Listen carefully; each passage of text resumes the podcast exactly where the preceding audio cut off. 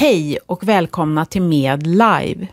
Med står för Medborgerlig Samling och vi är ett politiskt parti som består av människor som du och jag. En del med och andra utan politisk bakgrund. Vi har samlats för att vi vill göra en insats för Sveriges framtid och vi som gör Med Live gör det helt ideellt. Vill du vara med och stödja vårt arbete får du gärna göra det genom att sända ett bidrag på swishnummer 123 677 5563. Pengarna går till produktionskostnader för Medlive och andra medieproduktioner som vi gör.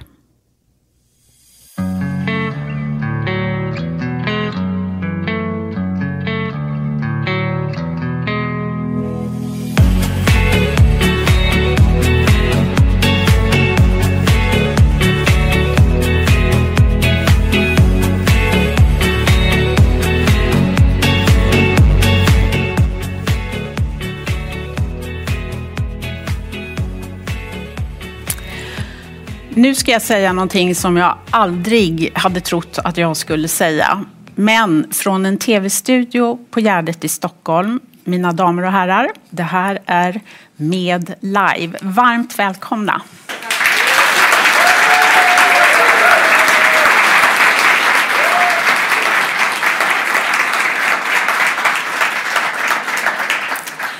Ja, som ni hör så har vi en ivrig eh, studiopublik här i Stockholm och eh, de applåderar vår hedersgäst ikväll får jag väl säga, Jens Ganman. Eh, vi tar en stor applåd igen tycker jag.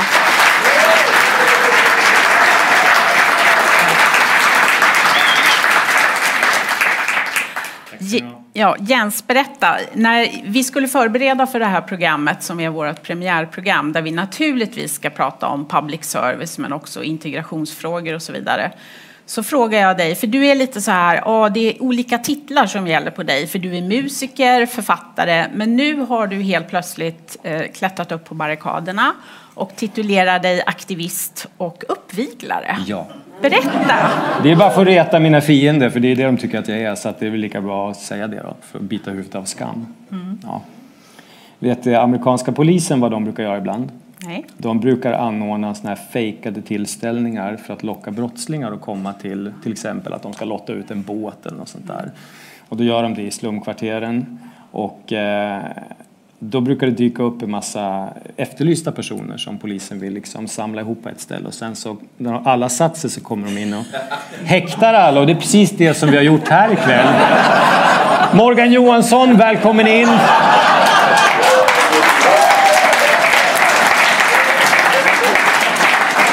Då Åkte ni dit allihopa? Ni kommer att sitta i häktet i natt, bara så ni vet det. Ja förnämligt. Alla Stockholms dissidenter Jajamän, så jävla lättlurade. Ja. Jens Ganman kommer och så springer alla dit. Nej, det bara skojar. Mm. Men återigen, när vi pratade nu om vad vi, vad vi ska prata om ikväll. Mm. För det här är ju viktigt också att komma ihåg. Jag ska inte intervjua dig på det sättet, utan det ska vara lite mer ett samtal. För jag jobbar inte på public service, så att jag behöver inte ställa de där knepiga följdfrågorna som du alltid efterlyser. Som de är så bra på. Som de är så bra på. Alla som såg partiledardebatten igår såg ju vilka fantastiska följdfrågor Exakt, exakt. Och att de avbröt alla när de sa fel, kom med felaktig information. Då bara, poäng, så är det inte, sa ju Holmberg på en gång. Något.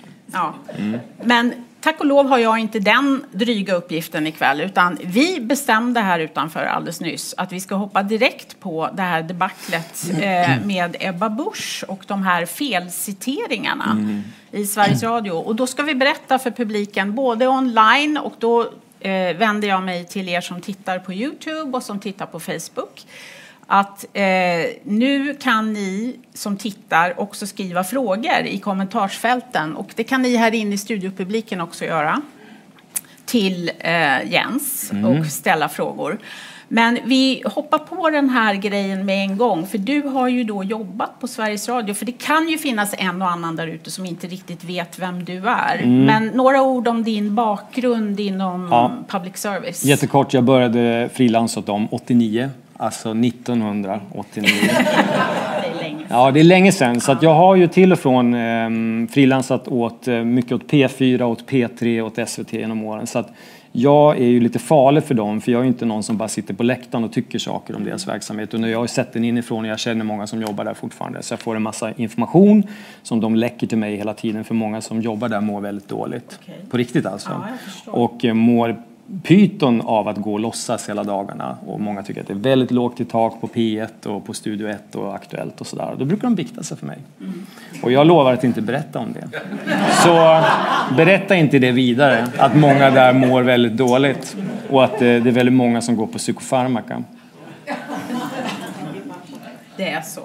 Eh, Okej, okay, då har vi lite om dig och din bakgrund inom public service. För det är ju så du har gjort dig känd. Att du är, kommer ofta med kritiska grejer som du säger. Och sen presenterar du lite förslag på lösningar också så att de ska bli bättre.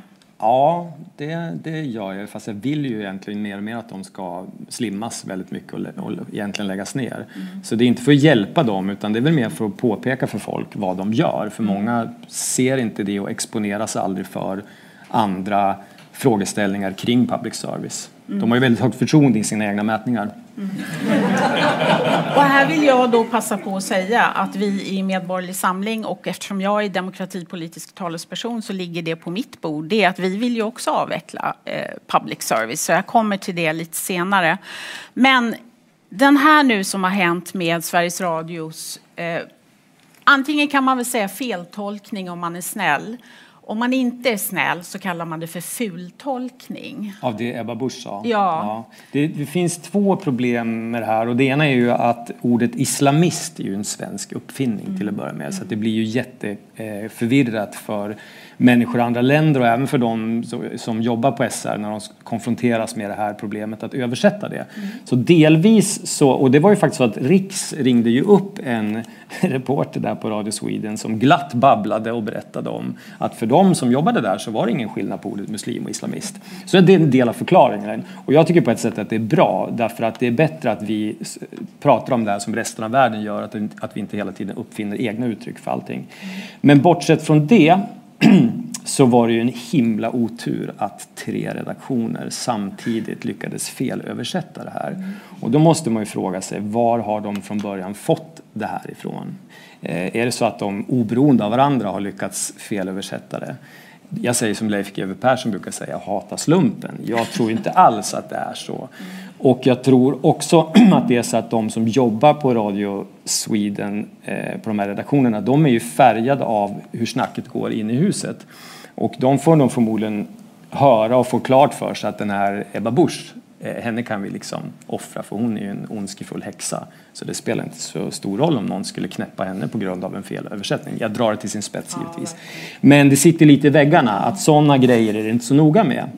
Um, nu ställde du kanske ingen fråga, eller frågade jo. du hur, hur jag tror att det har gått till? Eller? Nej, utan bara, jag tycker att vi dissekerar det här lite grann. Och, eh, men du kan ju gärna utveckla, vad tycker du att, hur borde Sveriges Radio se till att eh, ske, chefen inte behöva stå i Aktuellt och Rapport och ursäkta sig gång efter annan. För det var ju en mm. tidigare incident också. Du kan påminna oss gärna om... När de drog ihop hennes uttalande så att det lät mer klatschigt. Det också. Ja, det är ingen slump när söndagsintervjun P1 väljer ut uttalanden och skickar ut det som en sån här förpuff på fredagen inför det som kommer på lördagen eller om det är söndagen.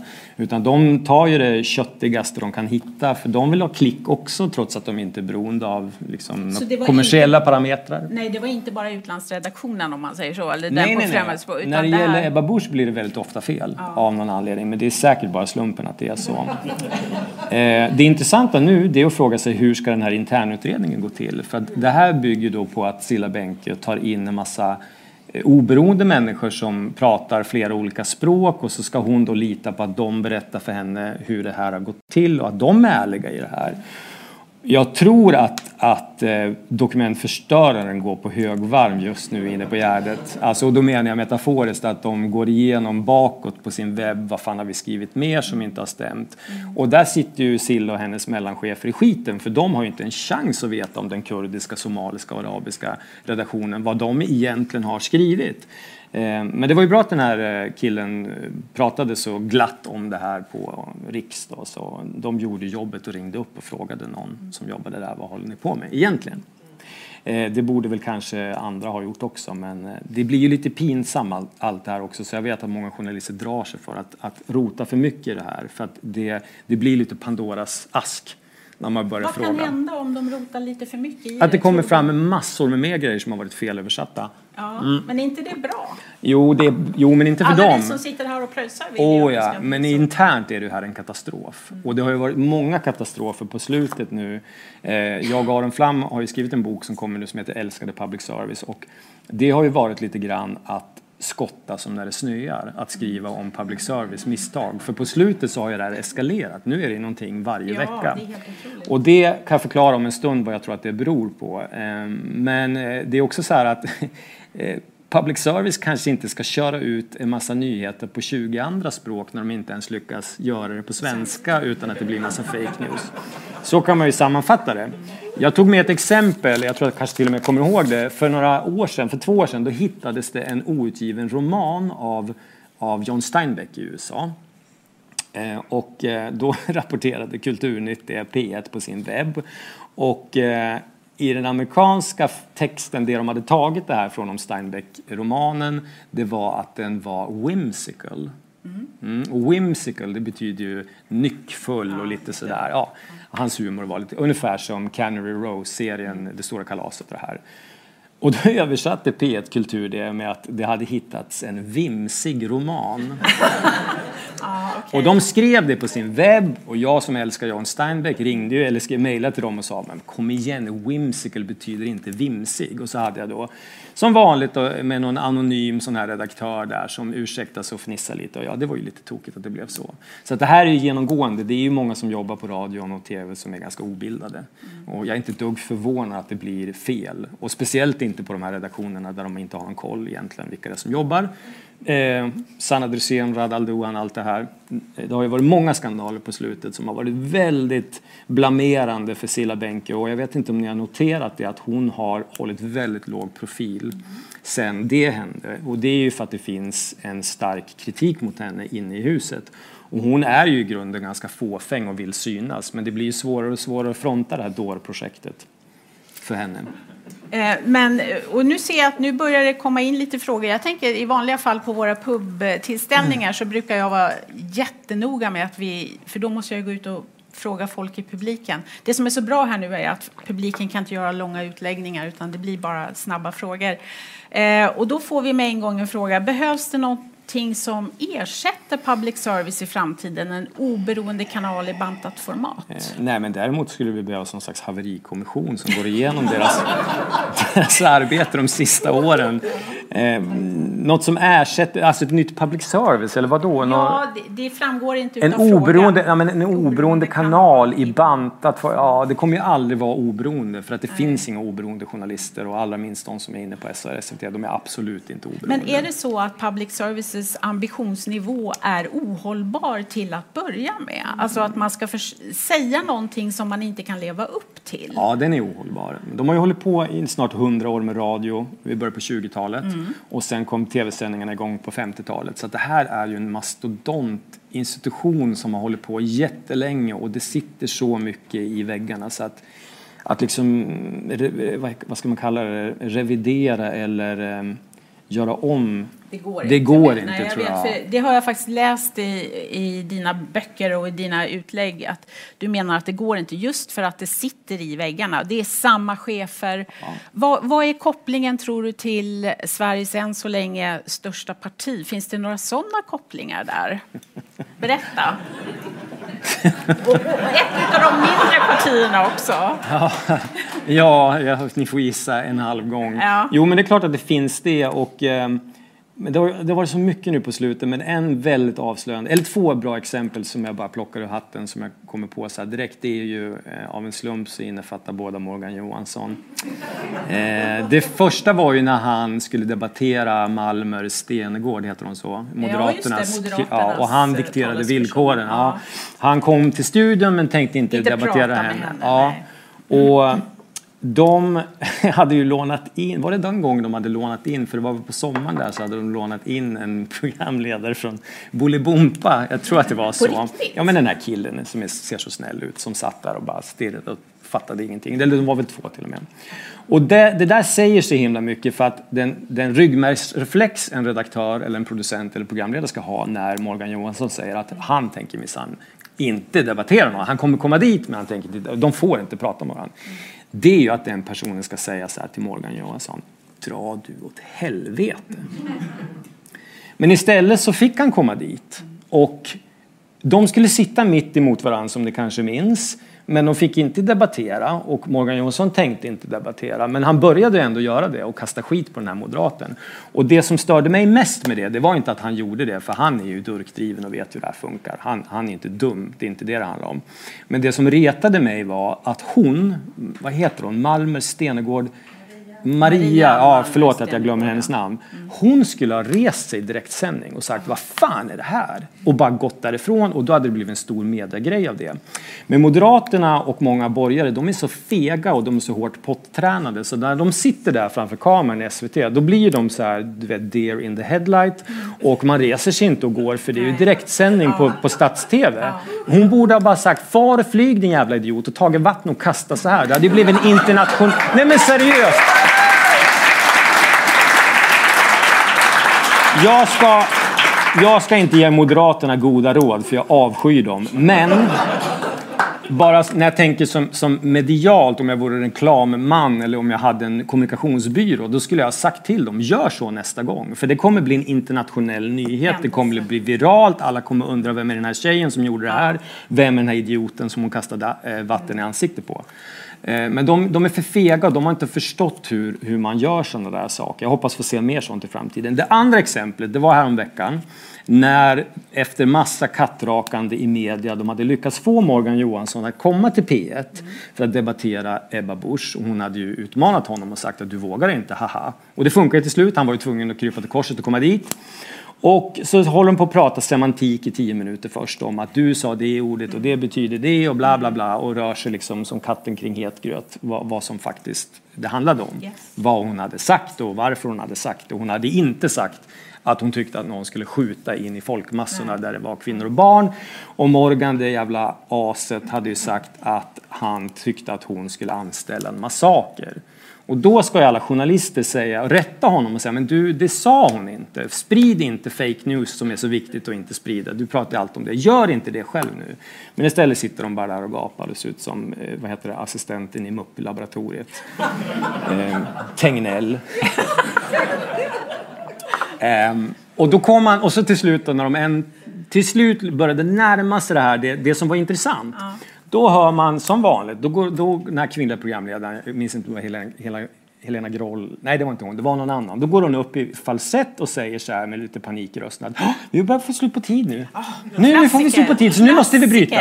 Ja. Och då är man så här, men vänta nu, gör du det här medvetet eh, eller sitter det bara i ryggmärgen att så fort det börjar hetta till och bli lite dålig stämning och vi svenskar är ju livrädda för dålig stämning, då måste hon bryta, att det är något som kickar in som nästan är en reflex. När hon istället borde vara så här. Yes, nu, nu börjar det hetta till. Nu kör vi på. Hade vi ett annat inslag i, i, i pipeline, då steker vi det. Utan nu ska de prata med varandra resten av tiden, en halvtimme.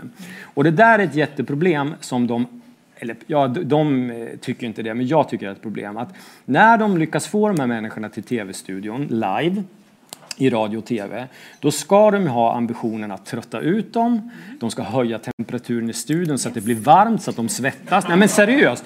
För deras jobb är att fälla odugliga, korrupta politiker. Och den diskussionen har jag haft många gånger med de som jobbar på SR och SVT och de säger att det är inte vårt uppdrag. Och jag säger ni har fel. Ni ska stå på folkets sida, ni är tredje statsmakten. Om ni ser att det finns korrupta, ljugande politiker som Morgan Johansson som är en lögnhals, en korrupt lögnhals, då ska ni avslöja honom. Men han är så smart och han har suttit nu i åtta år som justitieminister och han är väldigt medievan. Det krävs att man tar i lite mer när man ska fälla en sån person. Eh, och då måste man låta dem, då, då ska journalisten mata fram tillräckligt mycket rep så att han till slut hänger sig. Och det klarar man inte göra på tio minuter utan man kanske måste ge det en timme. Hålla kvar honom i studion eller ännu hellre åka till dit han är och stå utanför och vänta med en mikrofon när de kommer ut så han inte hinner för, eh, förbereda sig. När var sista gången ni såg det i Sverige? Det har aldrig Kan hänt. ni, jo, det har hänt, men Har det? kan ni dra er till minnes vem som sist gjorde det och fällde en politiker? Ja, den var jättebra, knacka men det har dörren. faktiskt hänt en Ja. gång efter det och det var ju när Niklas Svensson på Expressen stod och väntade på Mona Sahlin när hon kom ut från riksdagen, de här falska intygen det här. Det är så man ska göra. Men i Sverige är ju det nu så ovanligt så att man, man minns de grejerna. I England och USA är det mycket vanligare. När någon sticker ut snoken från 10 Downing Street, då står det ofta en skog av mikrofoner och de ropar fram frågorna. Det gör inte vi i Sverige. Vi har slutat, eller vi, journalisterna har slutat göra det. Och Ja. det, det, är eh, inte, det, det är inget sundhetstecken för en demokrati. Att de bara sitter och mejlar frågor och nöjer sig med att en pressis svarar nej, Morgan kan inte komma. Ja, jag försökte. Men det beror väl inte. på både pressstödet och att vi betalar public service de där 9 miljarderna per år. Det finns ingen som har incitament eller vilja att eh, skapa riktig journalistik. Ja, dels är det så, men det är också det där att det är lite fult att skita ner händerna. För de här journalisterna som sitter inne här på Gärdet, Mordor här borta. Ja, där borta. De eh, har ju vant sig vid det här att det räcker med att följa politikerna på deras Twitter och se vad de skriver och så kan man mejla. Och det är också en generationsfråga för många yngre journalister har telefonfobi. Det vet ni som har lite yngre barn att de tycker att det är obehagligt att prata i telefon. Sant? Ja men de är ju på de här Messenger och Kik och allt vad det heter och sådär och Beror det skriver. på att folk tycker det är obehagligt att prata i telefon? Även journalister menar du? Jag känner personer som har barn som de säger så här, men om du ska söka ett jobb då får du ringa till arbetsgivaren och presentera dig. Mm. Och ja, det tycker de är jättejobbigt. Och sen blir de journalister då till slut genom att ha mejlat SR och frågat om de får jobba där. Och så kommer de ut i arbetslivet och så ska de ringa en makthavare och det kan jag tänka mig många tycker är väldigt obehagligt. Det är lättare att mejla, men allt det där gör ju också att det är lättare för politiker att bara, nej, de, jag såg inte mejlet eller jag eh, svarar med autosvar eller något där. Så att, eh, och att det här med att vara en jobbig jävel och gå på presskonferenser som Pelle Zachrisson gjorde den där gången, ni vet han som jobbar på Nyheter Idag och som med sin Torbjörns stämma skrek till Annie Lööf om hon ska äta upp den där skon då? då, då var man ju såhär yes! Och då, då ska ni veta en sak att alla de här, eh, vad heter det, frumpy, eh, finns ett engelskt ord. Vad betyder vad heter det på svenska? Frumpy. Det är när man är så lite... Eh, Fin i kanten. Nej, Jo, jag tror att det, om man är lite så här prudentlig och fin Jaha. i kanten. Och det är de här DN-människorna och Svenska Dagbladet, de som sitter och så står Pelle bakom Prudentliga, jag Prudentliga. Och han ropar över huvudet på dem. Hälften av dem, de vill ju bara sjunka genom jorden för de tycker att det är så jobbigt att han har förolämpat Annie Lööf. Och hälften av dem tänker, jag önskar att jag vore så modig så att jag ställde den där frågan som alla satt och tänkte på. Men ska ingen fråga en om den här jävla skon någon gång? Och Pelle gjorde det för han är liksom en terränggående journalist som vågar göra sånt här. Och de här andra, de sitter där i sina jävla pumps och trippar hem till DN-redaktionen och till SR här och tycker att de har gjort ett bra jobb. För att de har suttit och hållit i en mikrofon på en presskonferens. Jag tänker på den här killen, kommer ni ihåg den här tysktalande journalisten Ja, på gud vad han det. Folkhälsomyndigheten? Det var ju samma sak där. Fan vad han var jobbig! Ja. Man såg de satt och bara, Orenius satt och blickade bakom axeln. Kan du inte gå härifrån? Måste du ställa de här Ja. frågorna? Det är ju vårt jobb att inte ställa de frågorna. Men var...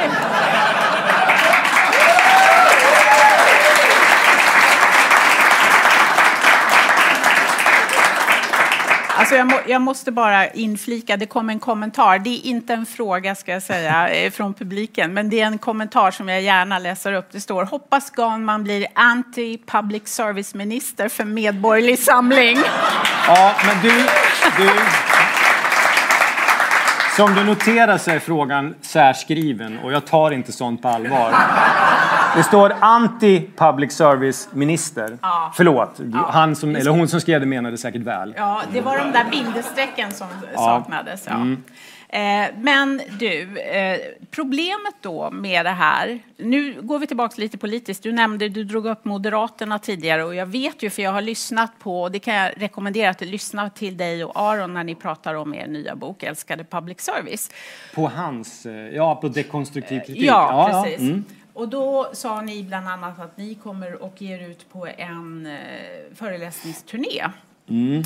Och då sa ni, för vi är ju ett politiskt parti och vi har ju haft dig eh, och vi har haft också Mustafa tidigare som gäst i, Mustafa Panshiri, ja. ja. Men då sa ni att ingen annan var intresserad, att Moderaterna inte var intresserade. Vad är det som gör att de politiska partierna tycker att det är jättejobbigt när du kommer och berättar sanningen? Är det för att de skäms lite för att de har klubbat igenom det här i riksdagen med, med superbudgeten på fem år? Ja, jag, fick höra, jag har fått höra flera förklaringar till varför de gjorde det. En förklaring kommer från, direkt från direktionsvåningen på Sveriges Radio varför Moderaterna eh, klubbade igenom det här.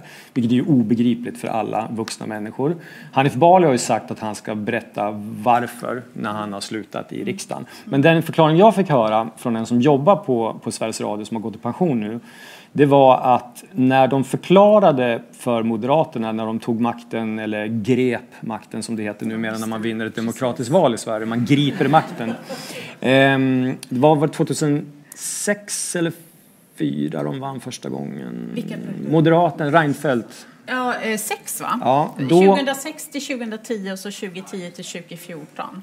Då finns det två skrönor som kan vara sanna om det här. Den ena innefattar Cecilia Stöge Kilå som då var vår kortvarigaste kulturminister. Eh, att hon hade hunnit på sina åtta dagar eller vad det var kalla till sig cheferna på S. Jag tror det var Mats Svegfors möjligen som var på den tiden. Och några till. Och, och så hade hon printat ut, säger då myten, printat ut ett ex av eh, koncessionstillståndet typ. Och så rev hon det i tu och så sa hon att nu börjar vi från scratch och nu ska vi börja diskutera er verksamhet. Och då hade de bara gått, de här SR SVT-människorna, direkt från det mötet hem till sina reportrar och bara ut och jaga. Och så tog det några dagar så hade de hittat att hon inte hade betalat Ja, eh, licensavgiften Ja. och så fick hon gå för att Re- Reinfeldt, det fega aset, ehm, offrade henne. Ja. Och eh, den andra skrönan som det kanske ligger lite sanning i det var att någon inne på SR eller SVT, förmodligen en sån som Mats Svegfors förklarade för Reinfeldt att det är så här att, att det är väldigt praktiskt för de som har makten att ha en stor megafon. Och du får tänka på det att om du skulle lägga ner public service och det är valrörelse eller du vill komma ut med ett budskap och så, då får du, om vi tänker oss att vi inte fanns, då får du göra som i USA, att du får åka runt till varenda lokal-tv-kanal i varenda delstat och jobba häcken av det för att få ut det här. Så behåll public service för att vi är liksom en, en bra, ett bra mouthpiece. Och då ska tydligen poletterna trillat ner och de insåg att jo men så är det ju faktiskt att det är bra att få ut både dåliga och bra budskap och du vet sådär. Jag tror att sanningen ligger någonstans mitt emellan. Det finns också några som säger att det var Billström som av något skäl bara liksom klubbade igenom det här på ett internmöte och så var det ingen diskussion. Och Moderaterna är ju extremt toppstyrda och partipiskan ven och då så av, ja, var det ingen som vågade säga emot. Och vad hans bevekelsegrunder för det var, det vet jag inte. Nej. Men eh, vad, vad kan... För nu är det... Man klubbade det här förslaget, som, eller blev antaget då i riksdagen, gäller fem år. Och nu har vi kommit tre år in på det. Det var 2019, eh, så 2020, 21, 22. Då är det två år kvar. Vad skulle du vilja se vid nästa... När det är dags att eh, ge pengar till public service nästa gång? Jo, men det behövs någon slags folkbildningskampanj eh, hos de här borgerliga politikerna för de är ju så Förlåt, jag, Ja, jag, jag, jag är så raljant nu, men de Ja, är så dumma i huvudet en del av dem när det gäller det här. För att jag har ju hört KD-människor och moderater säga till exempel att eh, det var någon av dem som var med i politikbyrån och sa att jo men eh, problemet är ju eh, all denna tingeltangel-tv som de gör, Mellon och allt det här. Det var ju det som var problemet och det där har jag hört Ebba Busch säga också. Det är inte det det handlar om. Alltså de får göra mycket tingeltangel-tv och radio de vill. Det är inte det som är problemet. Det finns två sorters program som public service absolut inte ska göra. Det är nyheter och barnprogram. Därför där sipprar deras aktivism in. Och ni som växte upp på 70-talet och såg kåldolmar och kalsipper och vilse i pannkakan. Det var ju ren DDR-klasspropaganda, helt öppen. Vet att det är så.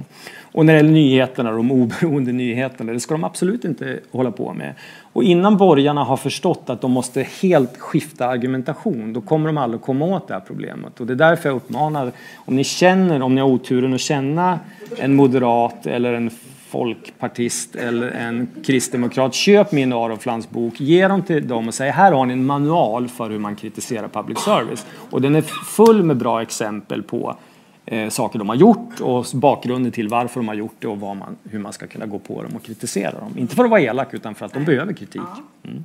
Ja, men så om två år när det är dags då, har, då vill det till, för jag brukar säga att man ska köpa dina och andras böcker som går bort present istället för en flaska Till vin. någon man inte tycker om? Ja, Ja, visst, nej, nej, nej. Här, varsågod, en bok av Jens Skanman. Oh. Ja, men just för att man vill eh, slå hål på de här myterna om att eh, public service är så himla nödvändigt och bra. Jo, och det som hände när de klubbade igenom det här, det, var, det som inte hände, det var ju att de inte ens kunde ha en diskussion om vad gör ni med pengarna? Ja. Varför måste ni ha så här mycket pengar? För det är nämligen så att det finns ingen vetenskap bakom att de tre public service-bolagen ska ha just 4 750 anställda, vilket, Vilket de är har. en enorm massa människor. Jag, bruk, jag har ju frågat, det står på baksidan av mina Arons bok, hur många anställda har CNN? De når en halv miljard människor per dag i 39 olika länder. De har kontor i 36 länder. De har 4 000 anställda. Ja, så det är samma. Ja, de har färre anställda. Och MSNBC tror jag har 950 anställda och om ni går in, det kan ni kolla själva, de här olika stora tv-kanalerna har. Fox har 7 500 eller de till och med 8 000. Så att i förhållande till folkmängd så, är ju, så har vi enorma Public service är enormt stort och det vet ju inte de flesta svenskarna. De tror ju att, ja men vadå, de är väl så många som det behövs för att vara, för att göra uppdraget. Men det är inte så. Och det har att göra med att från början när man började sända radio och tv så var det inte så att man satte sig ner och, gjorde en beräkning att det kommer behövas 500 personer för att göra det här. Utan det här är ju som en vetedeg som har bara stått och svält och svält och det blir fler och fler varje år. Och det är inte så att det någonstans sitter någon inne på bygget där och har koll på att oj, nu blev vi för många. Nu är vi för många, nu måste vi slimma. Och det är väldigt märkligt för alla andra verksamheter i Sverige, inklusive vård, hemtjänst, skola. Det är ju alltid det här snacket om att vi måste dra ner på verksamheten, vi måste bli effektivare, vi måste slimma. Det är ju väldigt inne för några år sedan att slimma verksamheten. Jag har aldrig hört någon som säger att SVT och SR behöver slimmas, trots att det finns hur mycket dödkött som helst att skära bort där. Eh, Kristoffer eh, Kristoffer som var programledare för Svenska nyheter, Kristoffer Lund, vad heter han? Appel, Appelqvist, förlåt. Kristoffer. Han, han är jättetrevlig. Eh, och, och han sa en så himla bra sak en gång på redaktionen. Han fick ett litet utbrott. För det var en grafikgrej som skulle göras till programmet och det var lite bråttom. Och då hörde jag han ryade och gick därifrån och sa så här, fan på, på det, på SVT krävs det fem grafiker för att göra det en grafiker kan göra på TV4.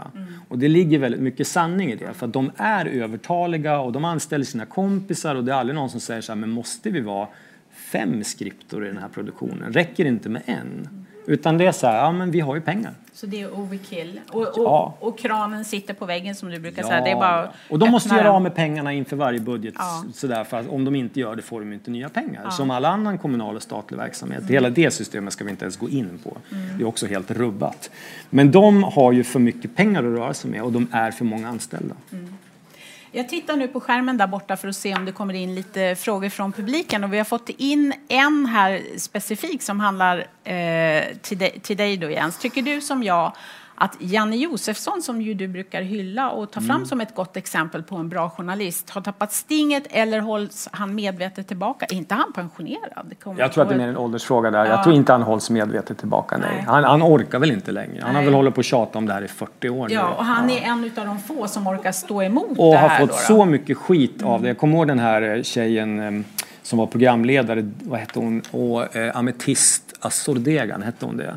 På P3. Hon gick ut här för fem år sedan när Janne Josefsson hade påpekat något helt uppenbart som var helt logiskt att kan inte han bara komma ut och säga att han är nazist?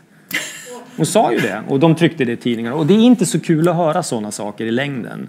Men det har ju varit helt tillåtet och därför är det så himla kul nu att Putin har sagt att alla är nazister. Alla är nazister. Det, för det inkluderar ju Silla Bänke, Morgan Johansson, alla de här. Och nu får de känna hur jävla kul det är att försöka freda sig mot en sån anklagelse. För det, ja, precis. För det här är, ju- tillhör ju ett av de ord som helt har förlorat sin eh, betydelse idag. Och det är ju väldigt beklagligt, måste man ju säga, att det är på det För sättet. vi kanske behöver det någon gång. Någon gång kommer vi att För de behöva riktiga det. nazisterna och Exakt. fascisterna. Men nu har vi Exakt. använt, det ju som ett tuggummi som har tappat smaken. Ja, Tyvärr. lite grann så. Ehm, jag, jag plockar in lite fler frågor från publiken. Kan public service splittras i två kanaler? En som öppet hanteras av regeringen och en som öppet hanteras av oppositionen. Att man gör då politiskt färgade... Ja, det vore en jättebra idé faktiskt. Och jag har tänkt länge på att det vore också väldigt intressant om man hade, vi har ju en Uppdrag granskning redaktion som Mm. sitter mest i Göteborg tror jag. Fast den finns väl i Stockholm också. Det vore, de har ju råd, de skulle kunna ha fem olika Uppdrag granskning. säkert, Eller ja. två eller tre i alla fall. Och så kunde Johan Hakelius få leda en och så kunde Linda Snäcker få leda en. Eller du vet så här, inte politiker givetvis. Men, och så kunde folk titta på deras gemens, att de ibland gjorde samma granskningar av en grej. Ja. Och så fick man jämföra vem känns mest trolig. Eller att de gjorde olika, man kunde välja. Men av någon konstig anledning så har vi alltid vid varje givet tillfälle bara råd med en En. granskande och bara en agenda. Och bara, ja vi har faktiskt två nyhetsprogram och Rapport Aktuellt. Men det är ju samma dynga båda två så att Ja, det är lite intressant. Och samtidigt eh, tycker jag då själv personligen, för du var inne på det tidigare, det här med sändningstid, att de får ont om sändningstid precis när det hettar till och när det kommer någon intressant fråga. Och en annan sak som jag har funderat väldigt mycket över, nu har jag ingen tv, jag slängde ut den för sex år sedan, men på landet har jag tillgång till tv.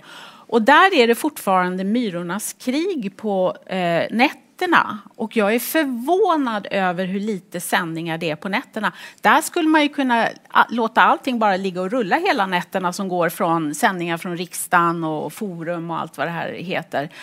Och här vill jag passa på att ta upp en sak eh, som jag specifikt har hängt upp mig på. Det var att under eh, valkampanjerna inför förra valet så fanns public service gärna och rapporterade när Feministiskt initiativ hade sina partistämmor.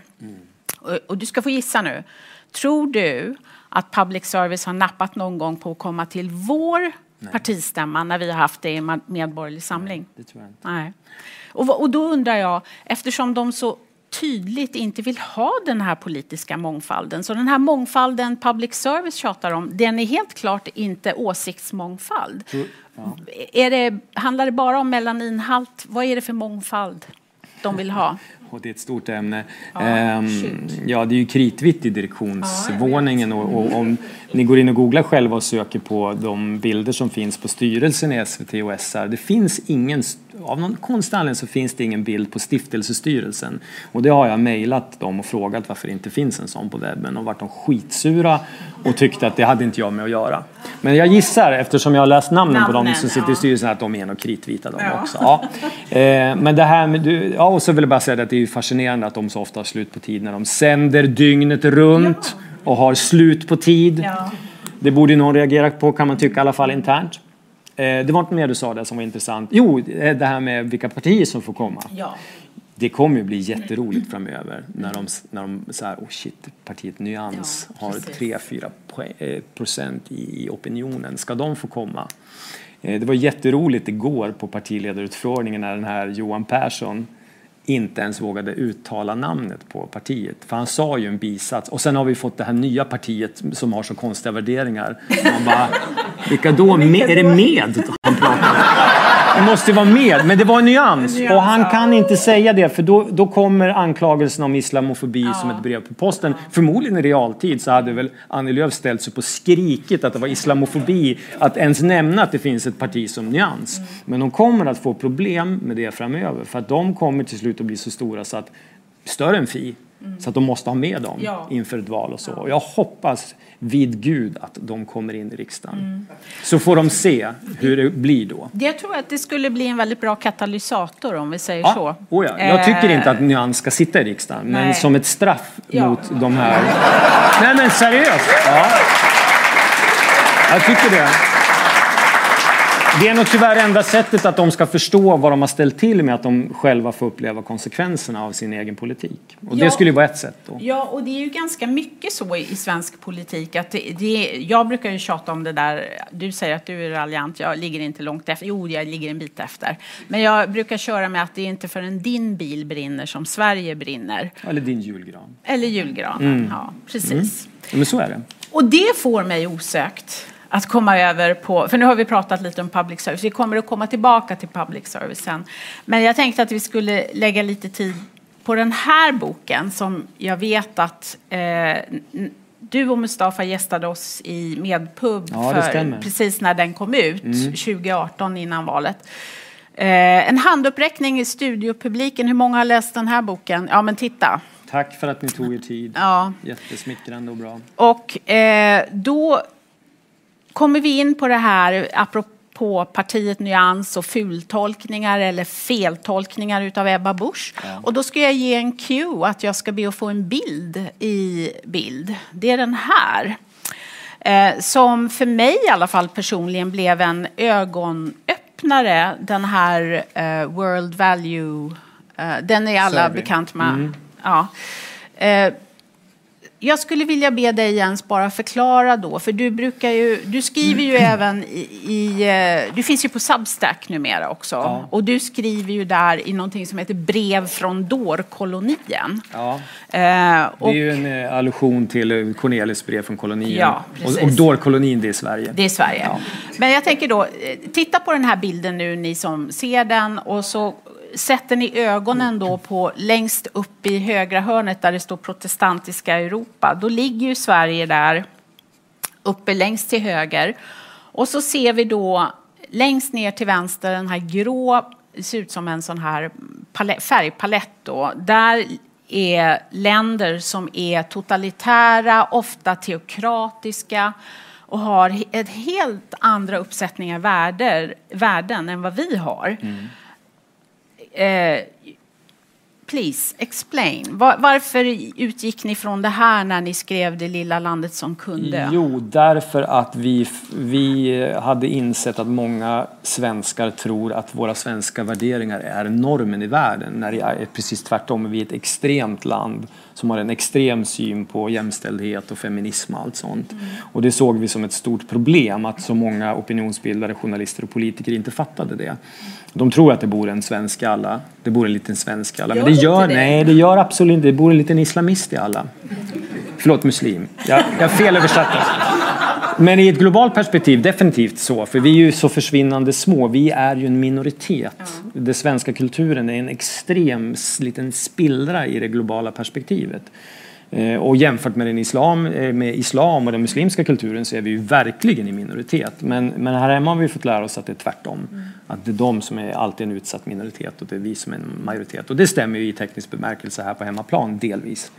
Men, eh, så vi tog fasta på den här jättebra World Value Survey-utredningen och använde oss av det där. Jag tror den är med i boken på något ställe också.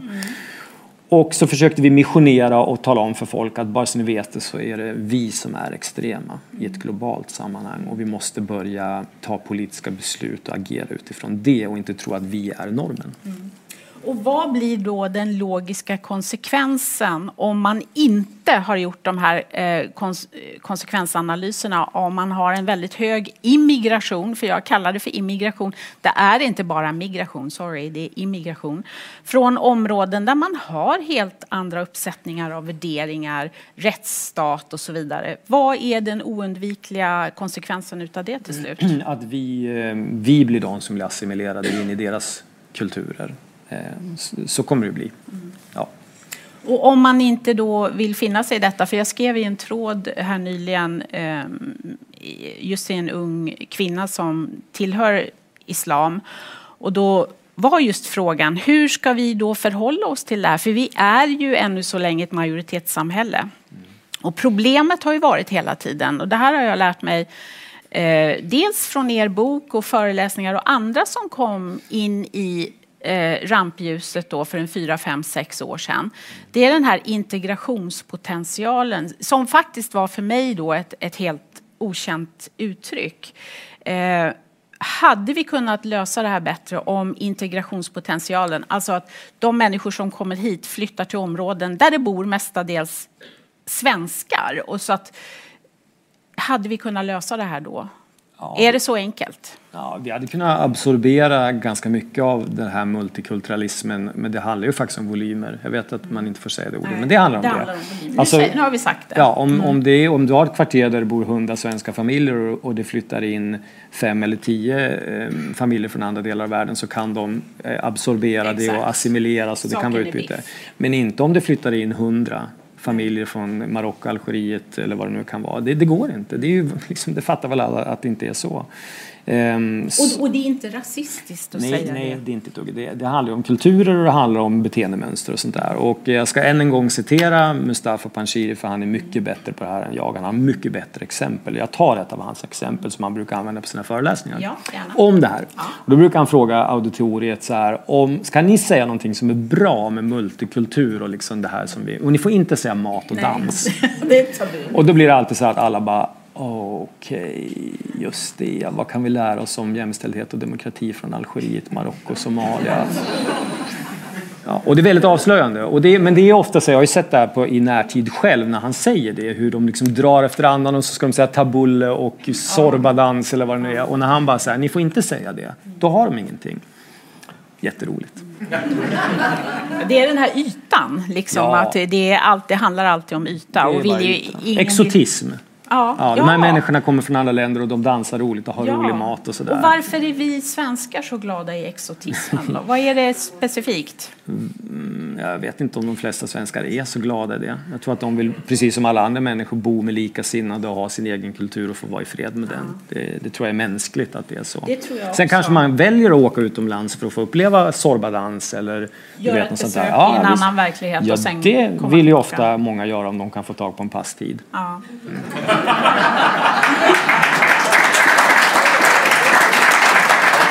Du vet, förr, förr i världen så kunde man ju få tag på ett pass i Sverige. Ja, men, men det har väl alltid varit så med det också. Det är min ja, det, det, är fascinerande de här sakerna som sker. Det är de allra, och det blir så tydligt när de här blott blottade punkterna i vårt samhälle krackelerar och det drabbar svensk medelklass då som har problem med att åka på sin årliga semester mm, till... Mm, då blir det liv i luckan. Ja. Jag tar en fråga här från vår publik igen och då är frågan... Eh, eh, den här är bra. Har du tänkt på om svenskar verkligen är förmögna att hantera sanning och tänka själva? Ja, det tror jag att de flesta är om de ges chansen. Mm. Men när de, när de sondmatas med public service och, och sånt som de förmedlar då blir, ju, då blir man ju ovan att tänka själv. Mm. Och man blir ovan att exponeras för jobbiga tankar och så det är enklare att titta på Aktuellt och läsa DN och så får man hela deras paketvärldsbild. Mm. Men kommer de att kunna fortsatt leverera den här paketvärldsbilden? DN är en annan sak, men jag tänker på vi skulle hamna lite grann på det här med tekniken. För att nu sitter du och jag i, och vår fina publik här i en tv-studio på Gärdet i Stockholm. Det här hade varit omöjligt för 20 år sedan. Nästan omöjligt för 10 år sedan. Ja. Eh, hur kommer tekniken att ytterligare förbättra för oss att bli våra egna publicister. Eh, hur kommer det att göra att lägerelds-tvn från grannarna här uppe på mm. Gärdet kommer att bli relevanta eller obsoleta Den kom, så småningom? Jo, det kommer att bli helt irrelevant till slut. Men frågan är hur lång tid det tar när de får de här långsiktiga anslagen hela tiden. Vi får väl se vad som händer nästa gång då. Mm. Men alltså SVT och SR och UR kommer ju inte försvinna inom överskådlig tid oavsett om de är relevanta eller inte. För de har ju byggt en gigantisk teknisk struktur, mm. fysisk struktur med alla de här redaktionerna ute i landet och alla fastigheter de äger och sådär. Så det är ingenting du avvecklar över en natt. Mm. Det gör att det har liksom, de permanentar sig själva och gör det gärna kanske? Ja, det är ett del av deras kärnuppdrag är ju att liksom vidmakthålla sig själva. Så är det. Mm. Jag ska ta ett kort exempel. Sameradion fick eh, i uppdrag för några år sedan att göra en utredning, en, en liten prototyp på hur det skulle gå att slå ihop lokal om man skulle slå ihop den samiska radio och tv-redaktionen till en för att spara eh, in på tjänster och på teknik och sådär. Och eh, inte helt förvånande så kom sameredaktionen tillbaka till SR och SVT och sa att det går alldeles utmärkt att slå ihop de här redaktionerna. Därför att nu för tiden så kan man åka ut och ta ljud och bild med en iPhone. Det. Ja, det är jättelätt, det behövs inte all den här tekniken. Eh, den utredningen hamnade längst ner, ner i, i, en låda. Och den som hade beställt fram den blev väl deporterad till Sibirien förmodligen. Ja, för det här vet jag från dig, det kände inte jag till förrän jag började följa dig på sociala medier, att det är jätteviktigt att Sveriges Radio aldrig visar rörliga bilder. Kan du förklara för ja. tittarna? Jo, de har ju fått ett problem med det där för att eh, för speciellt yngre människor som går in på sr.se, de klickar ju på bilden och tror att det ska dra igång någonting. någonting. Men då, om de gjorde det och hade rörlig bild och det såg likadant ut, då skulle det vara väldigt tydligt att det inte behövs två webbsystem utan de kunde slå ihop det där. Så därför har de ju, ja men det är så dumt och då, då har liksom, så säger, jag frågar ju Silla om det där tror jag i en intervju och även Jan Helin, jag debatterar honom. Varför har vi ett stort, jättestort public service-bolag som bara åker runt och tar upp ljud? Alltså lite... en gång i världen var det ju så att ja. släpa runt tv-kameror, det var ganska eh, jobbigt för de var stora och otympliga. Men det är ju inte så längre. Och då sa han faktiskt Jan i den här, han erkände ju det att ja på sikt borde vi ha en BBC-modell att det är mer integrerat och så. Men just nu så har vi av någon anledning tre stycken public service-bolag varav ett då bara sysslar med ljud. Och, och de får inte lägga upp rörlig bild på sin webb. Det är lite dinosaurievarning här va? Ja, de kanske har ändrat det lite nu men under en lång period så var det verkligen så. Mm. Och det var ju bara ett internbeslut för att det skulle bli så tydligt mm. annars. Mm. Ehm, och de kan hålla på sådär för de har en massa pengar. Och det är tyvärr då vi väljare som har valt partierna i riksdagen som har gett dem de här pengarna. Och det är det vi måste ändra på. Så är det. Mm. Jag läser vidare. Det här är, tycker jag, en jättebra fråga för att jag tillhör de som har ibland kontaktat granskningsnämnden och det är ju lite grann... Det, granskningsnämnden? Ja, men eller hur? Det låter bra, ja, men du. man får ju ingenting tillbaka. För frågan lyder så här, hur ska vi nå ut med alla felaktigheter om public service när de som behöver höra felaktigheterna bara får info via public service och Aftonbladet? Eh, men nu, så nu är det en tvåeggad fråga. Hur hur ser vi till? För att eh, granskningsnämnden är ju en dead end. Det händer ju ingenting. Nej, nej, det, det, är bara... det, är bara... för att det ska se bra ut. Ja, ja. Men hur gör vi då för att få upp det här på bordet? Ja. Du är en Ja, jo, som men det är också eget ansvar. Är man intresserad av demokratifrågor och sånt där, då får man ju se till att hitta andra kanaler. Så är det. Men de flesta är ju inte så intresserade av det. Det är den bittra sanningen. Att det här är en angelägenhet för en ganska litet, liten del av Sveriges befolkning. De flesta skiter fullständigt i det här. Tyvärr är det så. Ja, det är sorgligt men sant. Eh, och jag tror ju också att sanningen kommer att bli så att allt färre tittar på den gamla dumburken också. Att man tittar, det är allt mer telefonen som gäller och då är det inte nödvändigtvis public service man tittar på. Eh, så är det ju redan med den generationen som är förstörd av TikTok. Men om du ger dem tillräckligt mycket tid, förr eller senare kommer ju Aktuellt att börja sända på TikTok också. De kommer att anpassa sig och jag liksom till slut så att de kommer ju att vara där ungdomarna som behöver påverkas är. Mm. De är ju lite långsamma i starten då, men eh, ge dem lite tid så kommer snart Silla Bänke och dansa på TikTok hon också. Har du själv några erfarenheter utav granskningsnämnden ja. som får höra? Berätta. Ja, alltså jag minns när jag började på P3 89 där. Då blev jag anmäld flera gånger i början. En gång så, jag minns formuleringen, då var det en arg gubbe i Hökarängen eller något sånt där. Som tyckte att en av mina krönikor då var ordagrant, eh, eller det här är ett ordagrant citat, eh, oförblommerad kommunistpropaganda. Oj. Ja, för jag var ganska röd på den tiden och um, då blev jag lite spak för jag var ju bara typ 18-19. Får jag fråga, kommer du ihåg vad det rörde sig om? För det vore kanske intressant att höra. Om ja, nej ihåg. gud det här är, det så, är så, länge sedan. Jag har det där på något gammalt TDK-band i någon ja. låda. Ja. Kommer ni ihåg det? TDK-band. Ja. Ehm, och då fick jag eh, bli inkallad till chefen. Jag minns inte om det var Erik Kearley på den tiden eller om det var Daniel av Klintberg. Och då sa han så här, det är lugnt. Det här med granskningsnämnden, det är lugnt. Och att bli anmäld dit för oss på PT, det är en fjäder i hatten. Liksom. Officiellt så ska vi ju inte säga så, nej, men nej. internt så nej. var det så här, go nuts liksom. För man blir aldrig fälld, och blir man fälld så händer ingenting. Nej, för vad, vad, händer då? då ingenting. Nej, men då, då, sitter det någon så här och säger, ja, i programmet som sändes i torsdag så ja. råkade vi säga fel och sen är det inte mer. Men det är ingen, förlo ingen förlorar jobbet på det där heller. Nej, det har aldrig hänt. Nej. Fullständigt tandlös det, eh, konstruktion. Det borde ju hända. Eh, att man, ja, nu ska jag inte säga det, att man förlorar jobbet, men, men eh, den här frågan om, för nu har vi pratat public service, vi har pratat integration. Mm. Eh, och så tänkte jag bolla tillbaks till det här som vi startade med, de här eh, fultolkningarna utav Ebba Busch och den himla oturen och slumpen. Ja. Ja. Är det rimligt att vi ska betala för radiotjänster och kanske också tv-tjänster som sänds ut på språk som inte är ens ett minoritetsspråk i Sverige? Nej. Så det här är, det, det är ett bra svar tycker jag, eller hur?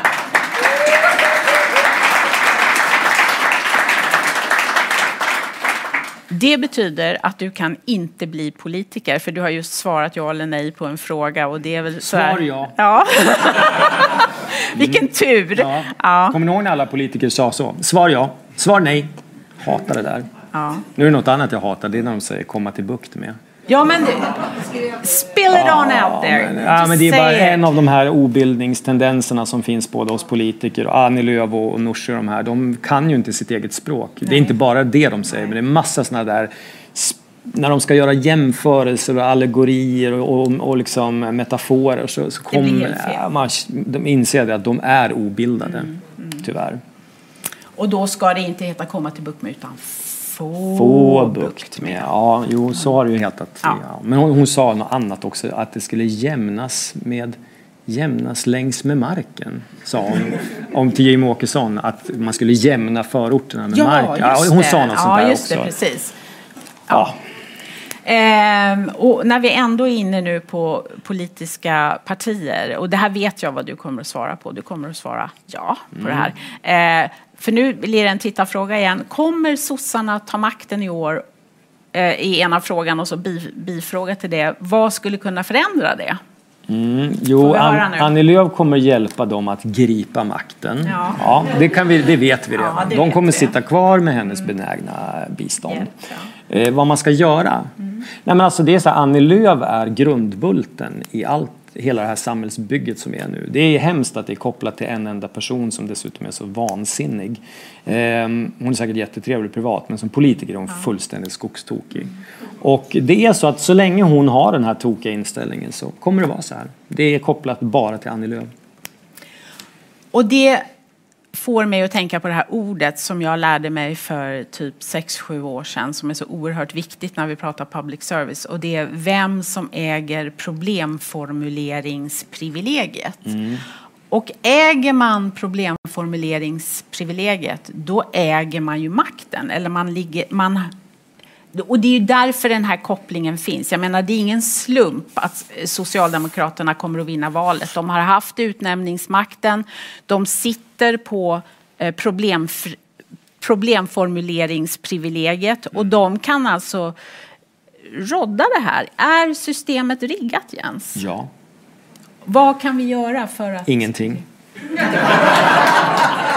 Nej men det är det krasst, krasst så är det så just nu. Det, det är, vi är ju i ett extremt dödläge och ni vet hur riksdagen ser ut med en rösts eh, övervikt till, till de rödgröna och så har de en stor del av journalisterna på sin sida. Så att, eh, det är rätt kört. Det, det är bara att finna sig i sitt öde. Ja, rädda det som räddas kan, skulle väl jag säga. Det som är förlorat kan vi aldrig få tillbaka.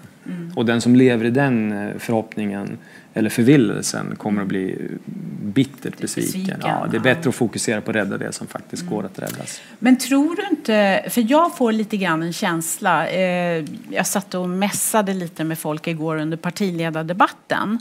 Och eh, jag noterade att vår statsminister ser oerhört bekymrad ut. Och det tror jag beror på att hon vet så mycket mer eh, om hur State of the nation, alltså i vilket skick nationen är, än de andra partiledarna. Så att hon kanske har all anledning att vara extremt bekymrad. Eller så hade hon läst Morgan eller Annikas Twitter precis innan.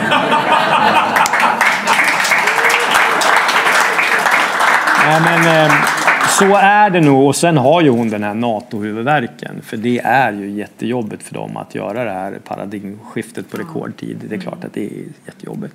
Jag tror inte hon är bekymrad över om de kommer sitta kvar vid makten. Utan det vet hon redan att de kommer göra. Men hon var lite frånvarande, det håller jag med Ja om. och, ja, och sen tror jag också att eh, i och med hennes position, är man landets statsminister och eh, hon är ju en, en hyfsat påläst kvinna eh, och har gått på fina skolor och sådär så att hon har koll hoppas jag och tror jag. Så att, eh, jag uppfattade att hon såg klart bekymrad ut.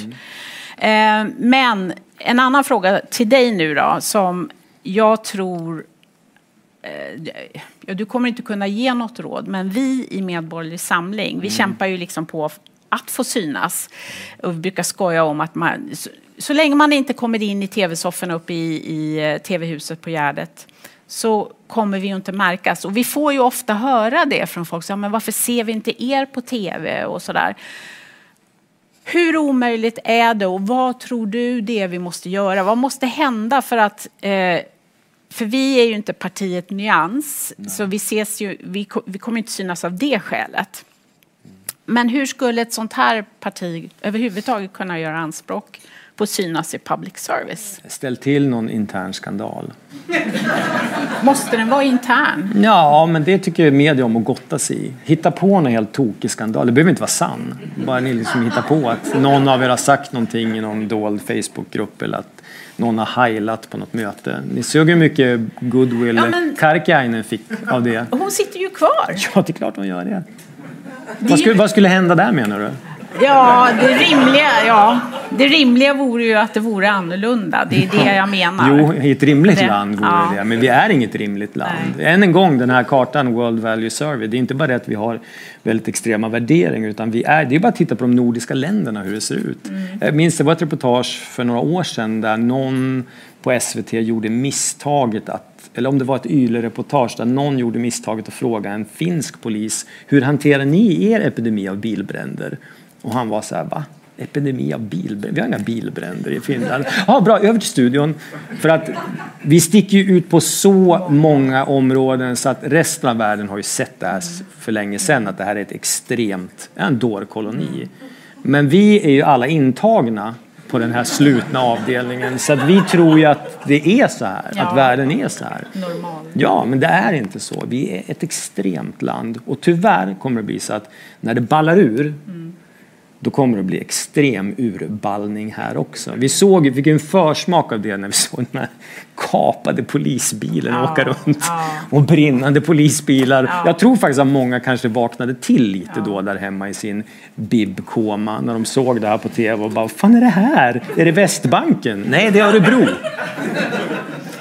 Och on that note. Ja. Eh, för jag tänkte så här, du bad att du skulle få läsa upp. Och, eh, får jag hålla upp hela boken så ja, den syns? Var inte, jag kan hålla Nej. upp den själv. Ja, håll upp den så att Det här var ju en tidigare bok som jag skrev som heter En brunråttas bekännelser. Den är den, den jag är mest nöjd med. För jag la Läs ner, den! Jag Läs la ner så mycket research på den här och blev totalt ignorerad som allt annat.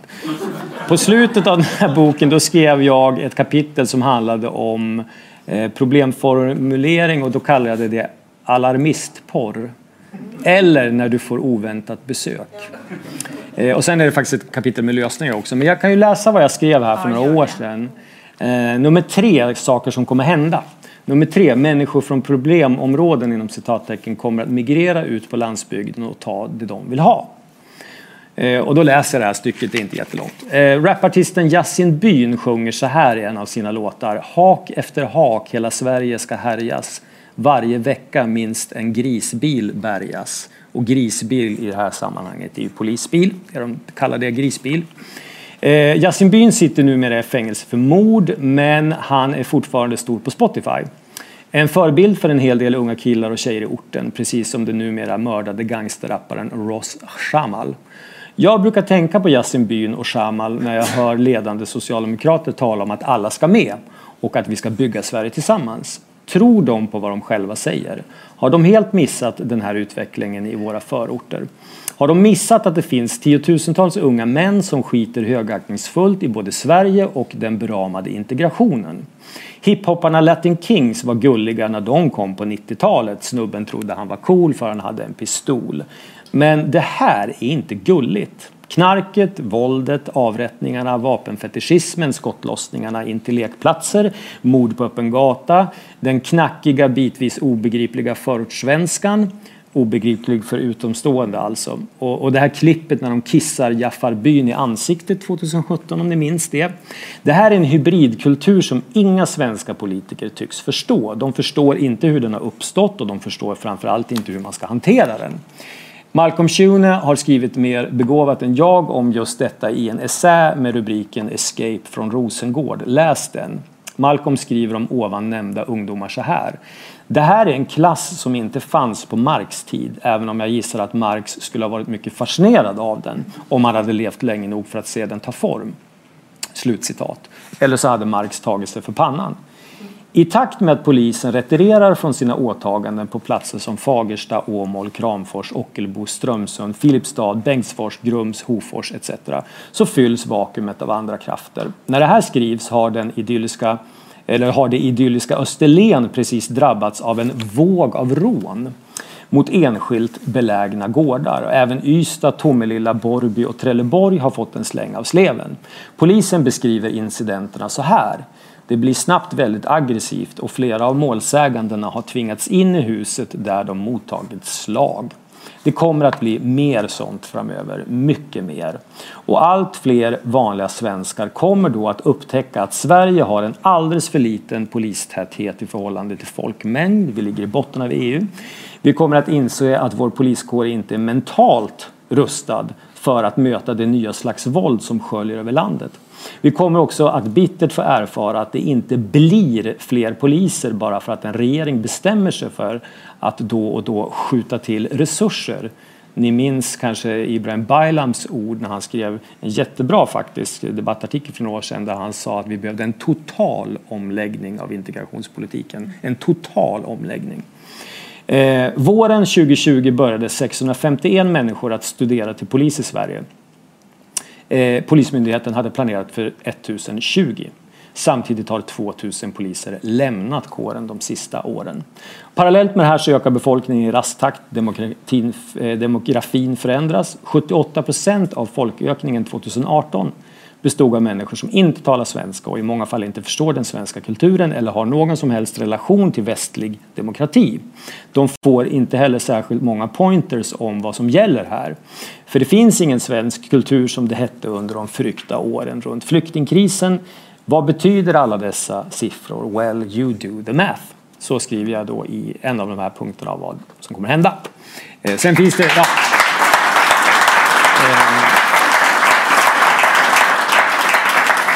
Och det är ju inte så upplyftande det här men, men eh, det kan vara bra ändå att sätta sig in i de här sakerna så att man har svar på tal när man hamnar i de här diskussionerna, vilket man ofelbart gör med, med PK-människor som hävdar att allt är bra och det har alltid varit så här och du vet, det kommer att lösa sig. Men har det inte svängt lite nu då? Ehm, Det är inte jo, så mycket hand- handhjärtan nu för tiden. Nej, det är det verkligen inte. Nej, men jag tror verkligen att så, det, det är det som är så hemskt att det enda som funkar nu och som måste till, det är ju de här galna grejerna som hände under Bilar måste brinna, Ja, polisbilar måste brinna. Påskintifada, eh, terrordåd. Man ska absolut inte sitta och önska sånt. Men är, man märker att det är först i samband med de grejerna som folk vaknar till och inser att det är nog någonting som inte riktigt stämmer i kungariket Sverige. Eh, och det kommer att bli mer sånt.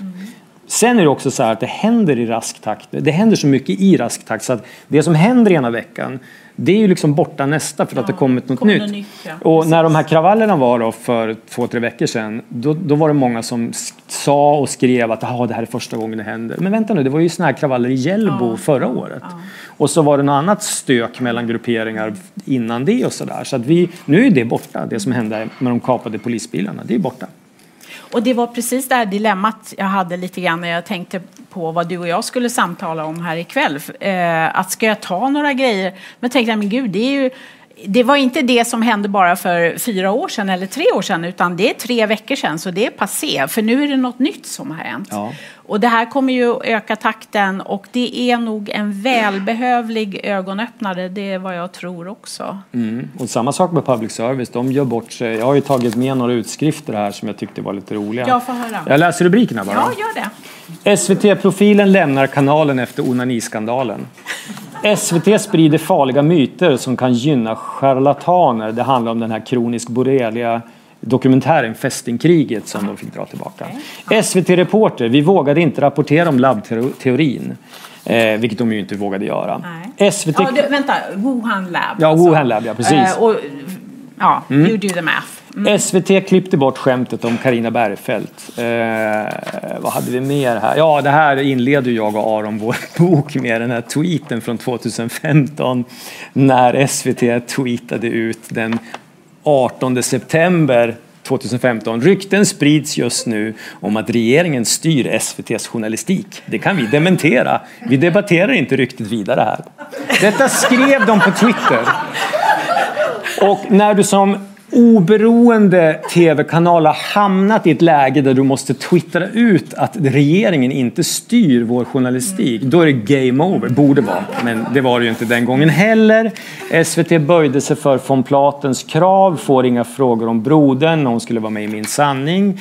Eh, influensen Vahid om vithetsnormen i skogen. Många är oroliga för kommentarer. P3 och Cecilia Udén fälls för fel om Hamas igen. Surprise! Igen.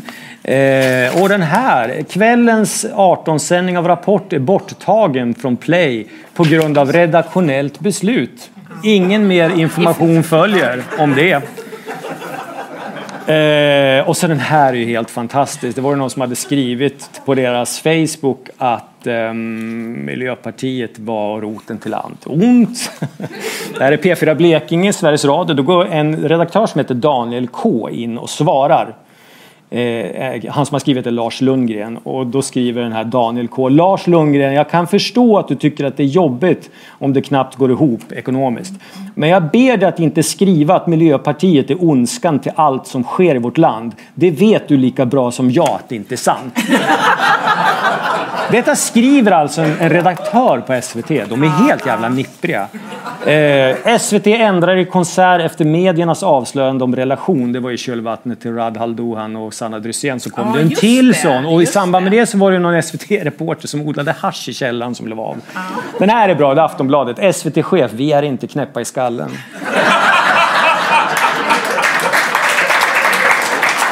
Om det måste sägas högt. Eh, här, är en SVT, det här var något upplopp i Hjällbo tror jag. Då är det en SVT-journalist som går ut och säger även kriminella är upprörda. händer." Johanna Lärneby, de vill kunna sköta sina affärer i fred. Ja, men då, om till och med dem, wow! Ja, här är den. Misstänkt knarkodling hemma hos SR-reporter. titta där. där var Den den. var jätterolig. Ehm, jag har några till här. Best of. Ja, så den här från förra veckan. Nej, det var inte stängslet som våldtog kvinnan men i gruvhålet precis. i Norberg. Ja. Mannen som stammade från Halland. Oj, oj, oj. Ja. Uh, Och den här är underbar. Granskningsnämnden. SVT och SR brister i sitt uppdrag. Bort med den. Spelar ingen roll. Här var Steinbeck, eh, den vimsiga novellen.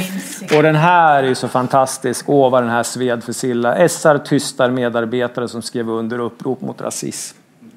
Ja, men det kommer vi ihåg också. Att de, var- ja. det, här var, det här, jag njöt av det här, tyckte Ja. det var så underbart. Att de utmålades som slavhandlare från 1800-talet.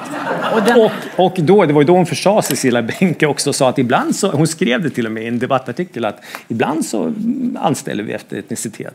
Vilket, det är ju mot lagen. Oops. Diskrimineringslag, får inte Ja, göra det är det. ju särbehandling. Ja, det är särbehandling. Och efter det var det väldigt tyst från henne. Hon har legat väldigt lågt och det blev en väldigt kritik internt över att hon sa och skrev det där. Ja, så den här då. Stängslet kring gruvhålet var trasigt flera år. Beskrivs som mycket farligt. Ja. Men den här seriemördade afghanen som var här och inte skulle vara här, han är inte mycket Nej. farlig. Men stängslet är mycket farligt. Och hur kom det sig att han fortfarande var här? Ja, men det ville förstår du väl. Han hade väl haft något trauma i barndomen och Ja. var tvungen att få stanna här. Här var det när var den här debatten om att det var eh, mycket knarkhandel och slagsmål på svenska bibliotek. Så har det i och för sig alltid varit. Men då var de tvungna att rapportera om det här, då, eh, kulturredaktionen. Och då är rubriken så här, vanligt med hot och våld mot bibliotekarier. Och så har de en överrubrik, bråk och stök. Bråk och stök. Sköt de inte inne på ett bibliotek någonstans också? Är det stök där? Eh, och så den här, Sveriges Radio har inga kopplingar till Säpo där. Det får vi verkligen hoppas att de inte har. Här har vi faktiskt någon som uppmärksammat att efter bara 20 minuter justerade SR titeln på samma inslag från att Socialdemokraterna ändrar sig om tolkarna till att Socialdemokraterna hjälper tolkarna. Eh, ja, public service gör det inte direkt svårt för sina kritiker. Det är någon som har varit eh, på Twitter och lagt ut de här två skärmdumparna. Och det här kallas ju för minneshålning, memory holding. Det. Och det här är ju från, från det uttrycket kommer från 1984. Mm. George Orwell, för det var ju det huvudpersonen Winston Smith hade som uppgift. Ja. Hela dagarna sitta och skriva om artiklar och sen kasta ner de gamla i ett hål där de brann upp. Mm. Och det är det de gör med det här på webben. Det ska ju alltid vara en stor sån här röd edit. Vi har, vi har ser, ändrat, det ja. gör de aldrig. De gör det ibland men inte aldrig. Också den här SR fälls för att ha gynnat ekologisk musselodling. Who the fuck knows vad det var för någonting. Men alltså det här är, jag hade kunnat printa ut en sån här Ja, tjock det bibba med grejer. För det bara, och det är där menar att, att det är svårt att skriva en bok om dem. För att det är som att skotta när det snöar. För nu kommer det liksom slag i slag. Och kanske kommer en del att, att känna att det är någonting konstigt med public service. Jag ser här, vi har fått ehm, eh, en kommentar. Nu försvann den helt plötsligt. Kan ni scrolla i kommentarerna? Eh, jag ska se, den kanske har plockat bort den. Men det stod så här i alla fall att ett tips till Medborgerlig Samling det är att vi ska bjuda in Jens oftare för att då eh, kan du sätta fingret på det här pro- problemet. För vi i Medborgerlig Samling vill ju avveckla public service. Det är en av våra viktigaste punkter. Jag har skrivit en handbok nu. Tack. Älskade public service. Köp den, dela ut den, Ja. använd den. För, det säger jag till alla partier jag Ja. träffar. För jag har ju givetvis blivit inbjuden till alla andra partier också. Men då är det så här att jag har sagt till Aron, för han gästade oss på pub ganska nyligen också, att du och Aron, ni är välkomna. Ni är dels välkomna på pub och Mm. naturligtvis så vill vi gärna se er här i en livesändning från studion också. Okej. Och prata om eh, älskade public service. Ja, jag vill bara skrapa på ytan när det gäller den. Ja, det finns det, jättemycket bra det, den. det skulle kunna bli en trilogi. Tyvärr, ja. Mm.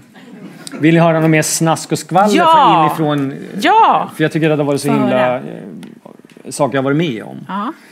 Det finns ju ett kapitel som jag tror det heter anekdotisk bevisföring, det kapitlet. Det är också bara för att inte ge våra kritiker chansen att säga att det här är bara anekdotisk bevisföring.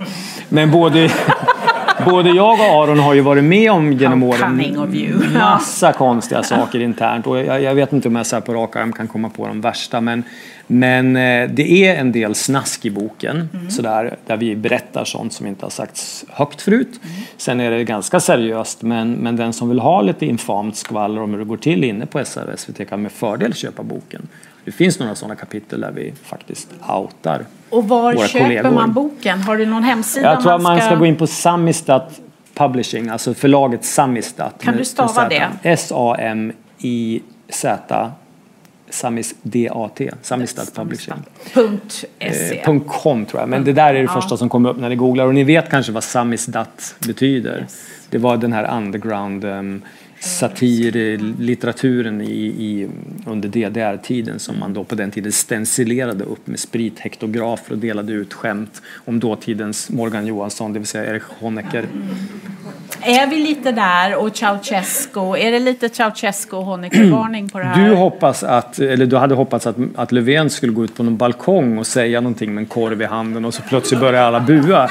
Det hade varit otroligt uppfriskande. Ja. Men det hann inte hända. Det hann inte hända. Nej, men jag tror att till slut kommer något sånt liknande faktiskt att hända. Att folk känner att vi vill inte bli stå, stå här och bli behandlade på det här sättet och det förolämpar vår intelligens. För det var ju det som hände till slut i, i Rumänien. Att folk fick nog att konstant bli ljugna för.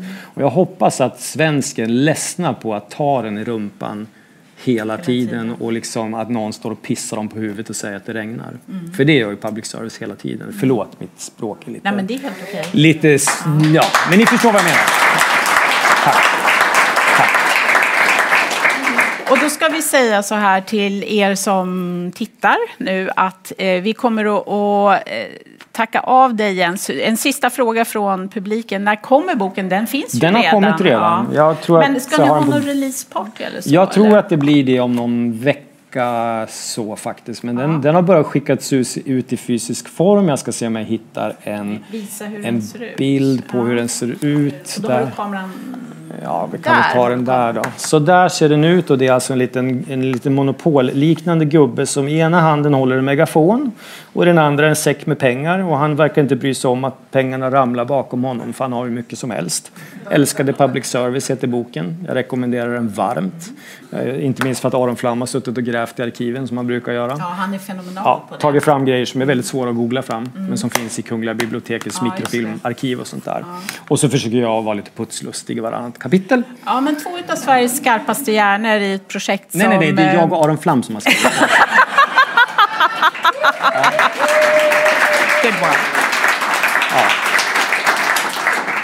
Hörni, nu är det så här att eh, alldeles strax så kommer det två nya gäster som vi inte har förannonserat som okay. kommer att komma hit. Så att vi kommer att plocka bort de här stolarna och så ska din mikrofon sättas på en, ja. en, en, annan person. Men innan vi gör det så vill jag att publiken här i studion ger dig en rungande applåd. Tack Jens för att du kom! Tack ska ni ha. Tack, tack. Tack ska ni ha. Ja. Hinner jag säga en sista sak?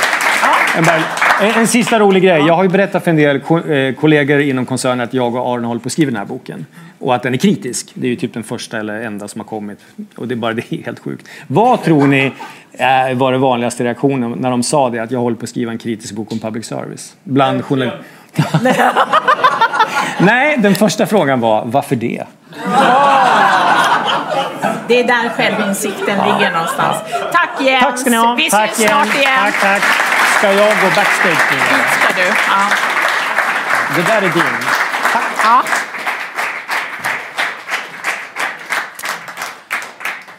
Och eh, då är det så här att vi som är i publiken här i studion, vi kommer att få mingla med Jens här lite senare. Och det kan vara värt för er som tittar där ute att veta att vi kommer att fortsätta med de här sändningarna eh, från Digitalstudion på Gärdet i Stockholm. Och då har man möjlighet att komma hit och lösa biljett och då får man mingla med våra gäster efter sändningen eh, och äta lite pizza och dricka någonting gott.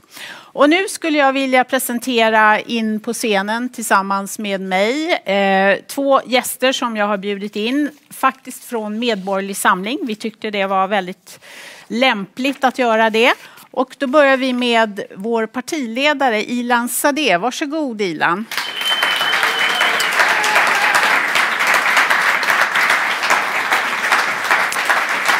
Där. Och sen har vi också, förutom dig Ilan, så har vi vår ordförande för Medborgerlig Samling här i Stockholm, både stad och distrikt, Mikael Flink. Varsågod.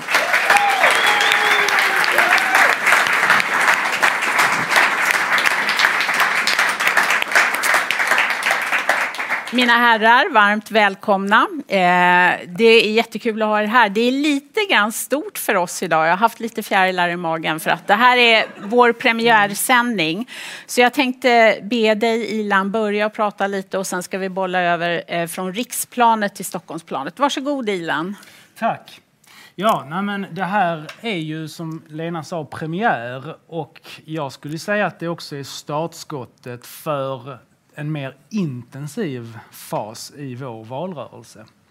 Eh, jag kan glädja alla som har tittat på det här att eh, det blir uppföljare. Om inte förr så i Almedalen, ni vet det där stället där hela makteliten åker och, och frotterar sig, och journalister och politiker och hela alltet. Och vi ska ju dit eh, för att förstöra stämningen lite grann. Eh, men eh, vi kommer ha egna sändningar därifrån i det här formatet. Så det ser jag riktigt mycket fram emot.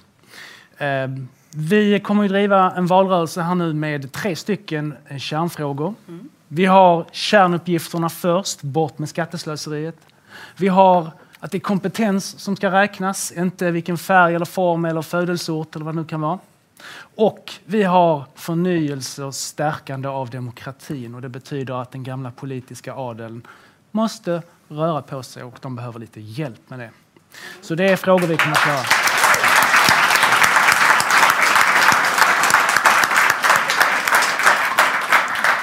Mikael, hur ser det ut i Stockholm? Nu har ju jag varit med några år i Medborgerlig Samling, men du har en massa roliga fun facts Ja, att berätta. verkligen. Få höra. Eh, Det ser jättebra ut. Ja. Eh, Vi kan jämföra med hur det såg ut när vi gick in i valrörelsen i början av förra valåret, eh, 2018. Eh, Då hade vi i Stockholmsdistriktet tre stycken lokalföreningar.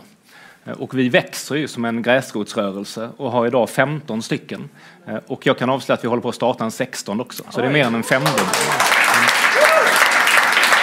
Eh, Man kan även jämföra medlemmarna. Eh, början av 2018 så hade vi ungefär 500 medlemmar i, i distrikt Stockholm. Och vi går just nu upp i 1600, så det är alltså mer än en tredubbling även där. Och,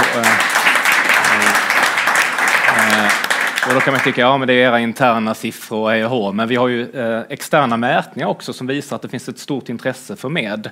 Eh, tar man i eh, kommunalvalet för Stockholms stad eh, så eh, släpptes det en opinionsmätning för inte så länge sedan där eh, övriga partier landade på 6,2 procent. Det är alltså större än både Miljöpartiet, Centern, Liberalerna och, och KD. Sen vet man inte hur mycket av de här 6,2 som är med, men jag gissar väl hälften ungefär. Eh, Vilket betyder att vi ligger på spärren på 3% till Stockholms stadshus. Och här vill jag poängtera, det här är jätteviktigt att komma ihåg, både för er som tittar nu och för er som är här i studion, att vi behöver alltså nästan bara 19 000 röster i Stockholm för att komma in i stadshuset. Ja, det stämmer. Och det är ju helt fantastiskt. Det, det är liksom inte, o, det, går, det är inte svårt att göra. Det måste vi klara av. ur riksperspektivet så är det ju ett 60-tal kommuner som vi ställer upp i, i det här valet. Ja. Vilket är ett stort framsteg i förhållande till 2018. Det är ju en helt annan kraft i det här valet på den kommunala sidan. Det är 11 regioner som vi ställer upp i. Sjukvårdsfrågor med andra ord. Där har vi ju ett ganska unikt eh, sjukvårdspolitiskt program eh, att, att driva. Så att det är ju en, det är en annan kraft i, på de nivåerna. Eh, det är ju så att, att det här är ett eh, långdistanslopp. Men steg för steg tar vi plats, steg för steg vinner vi mark. Och för varje ny medlem, för varje ny röst så ökar ju vårt inflytande. Och det märker man ju inte minst när andra partier börjar titta på oss och tar det där fina ordet som ni använde här tidigare, problemformuleringsprivilegiet. Det är så man påverkar politik på längre sikt. För vi tänker inte bara ett år, vi tänker inte fem år, vi tänker en eller två generationer. Det är jätteviktigt att komma ihåg. Och här vill jag passa på att nämna faktiskt att vi kom ju in på första försöket i tre kommuner i valet 2018 och det är inte att förakta. Det är fantastiskt gjort eh, för att ställa upp första gången. Just det. Laholm, Torsås och Hör. Hör. Så vi finns redan i kommunfullmäktige i tre kommuner och snart finns vi förhoppningsvis i många fler. Eh, så 19 000 röster i Stockholm och vi kommer in. Och vad ska vi göra där? Eh, vi ska vända på stenar. Kan du berätta Jajamän. lite om Eh, jo, vilka men vi- stenar vi hjälper till att vända på där inne? Vi, vi lyssnade ju på eh, Magdalena Andersson när hon sa att vi skulle vända på stenar. Så det har vi gjort. Eh, Vi håller på att granska bidragsfusk i föreningar i Stockholms stad eh, och även i Skolverket. Och det, här- det här kan ni googla på för det, det finns då pressmeddelanden släppta. Och vi har väldigt intressant korrespondens igång med både Skolverket och stadsdelsnämnderna i Stockholms stad. Vi hittar jättemycket. Vi hittar fusk för miljoner. Och, och vi kan väl se att Skolverket har börjat få upp ögonen för det här också och, och eh, intensifiera sin kamp då mot det här fusket som pågår hela tiden. Det är en dragkamp då mellan myndighetspersoner som försöker hålla i pengarna och sen så olika personer som ser att här finns det pengar som man kan eh, då plocka åt sig eh, genom att bara eh, lämna in helt eh, eh märkliga eh, ansökningar som inte alls stämmer med verkligheten. Eh, och det här upptäcker vi tack vare vår ideella granskning. Då. Men om man kommer in, som vi hoppas att göra, på insidan in i stadshuset, då får ju vi tillgång till de här utredningstjänsterna också. Så då kan vi vända på ännu fler stenar. Ja, plus att vi går till val på att i Stockholms stad så vill vi ha en kommunal slöseriombudsman Ja. och vi vill ha en internrevision som jobbar på uppdrag av medborgarna. Inte som idag, att, det, är- att de jobbar lite på uppdrag av stadshusledningen. Det här, det här är bra.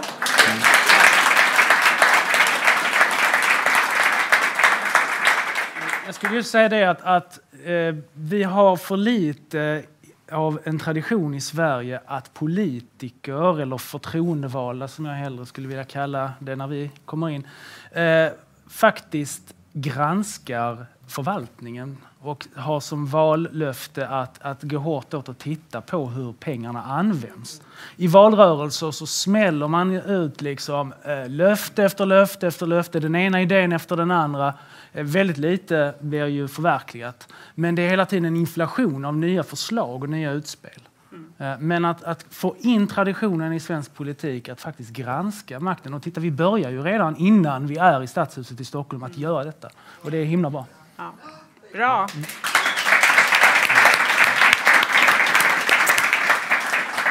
Det här är fantastiskt roligt att höra. Nu närmar vi oss tiden för där vår sändningstid går ut. Vi har slut på tid. Vi måste, prata om vi mål. Ja, ja, just det. Ja, just det. Vi har en viktig grej till. Tack för att du tog upp det.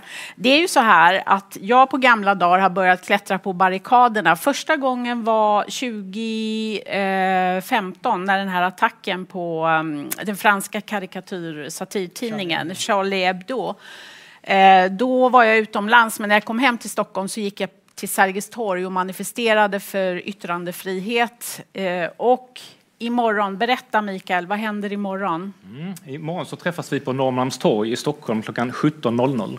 Och det kommer att vara ett torgmöte, en manifestation för yttrandefrihet och demokrati. Och då är jag där och klättrar på barrikaderna också. Det är ni. Så vi alla tre finns där. Och ni som tittar tittar och vill ansluta, kom gärna och träffa oss på torget imorgon. Det kommer att finnas många representanter från Medborgerlig Samling där. För nu är det skarpt läge och nu är det viktigt att stå upp för åsikts yttrandefrihet och demonstrationsfriheten. Just det. Vi har ju sett hur den utmanas under de här kravallerna som har varit och hur risken är stor att det blir liksom ett ett prejudikat, som det så vackert heter på juristspråk. Alltså någonting som har hänt som påverkar sen hur, hur det kommer att ske, framöver. Och det heter att våldsverkare ska inte få sätta agendan, men det är ju precis vad som är på väg att hända. Och då måste vi resa oss upp och säga stopp. Vi vill inte att den här grodan ska kokas, utan nu får vi faktiskt säga ifrån. Ja. Bra, med de orden då så hälsar jag er alla välkomna till Norrmalmstorg imorgon klockan 17 om ni vill ge oss stöd i vår eh, manifestation för åsikts och yttrandefrihet och demonstrationsfrihet. Under tiden, gå gärna in på med.se, alltså www.med.se och läs mer om våra politiska program eller kanske bli medlem.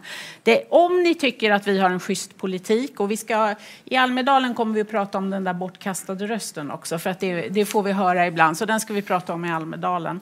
Men gå gärna in och, och bli medlem, för det är det enklaste sättet. Då kan ni hemifrån soffan swisha 250 spänn så är, ger ni oss ert stöd som medlemmar och det behöver vi. Förutom de där 19 000 rösterna till Stadshuset i Stockholm och eh, 270 000 till riksdagen. Då tackar vi för oss. Tack Ilan och tack Mikael.